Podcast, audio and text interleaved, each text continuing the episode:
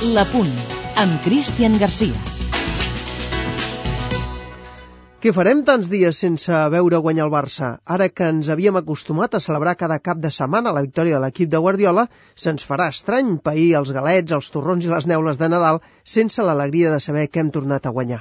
És més, espero que això d'aturar la Lliga per les festes no ens afecti, que la tornada tot segueixi igual, que no se'ns oblidi res de tot el que hem après amb aquest nou entrenador, que no se'ns desorienti Neto i Messi per aquests mons de Déu i, sobretot, que algú s'encarregui de dir-li a Enric que aquests dies s'emporti deures, no fos cas que ara que l'estem adreçant torni de Londres enyorat i depressiu. Per tant, confio que la tornada d'aquests nois continua en la mateixa línia que han demostrat en els, anava de dies, però podem dir amb tota tranquil·litat mesos, sobretot perquè si no afluixen ens donaran tantes alegries que per Sant Jordi això ja estarà dat i beneït i molt probablement ens convidaran a tots a la plaça Sant Jaume a celebrar el primer dels títols que s'aconseguiran aquesta temporada.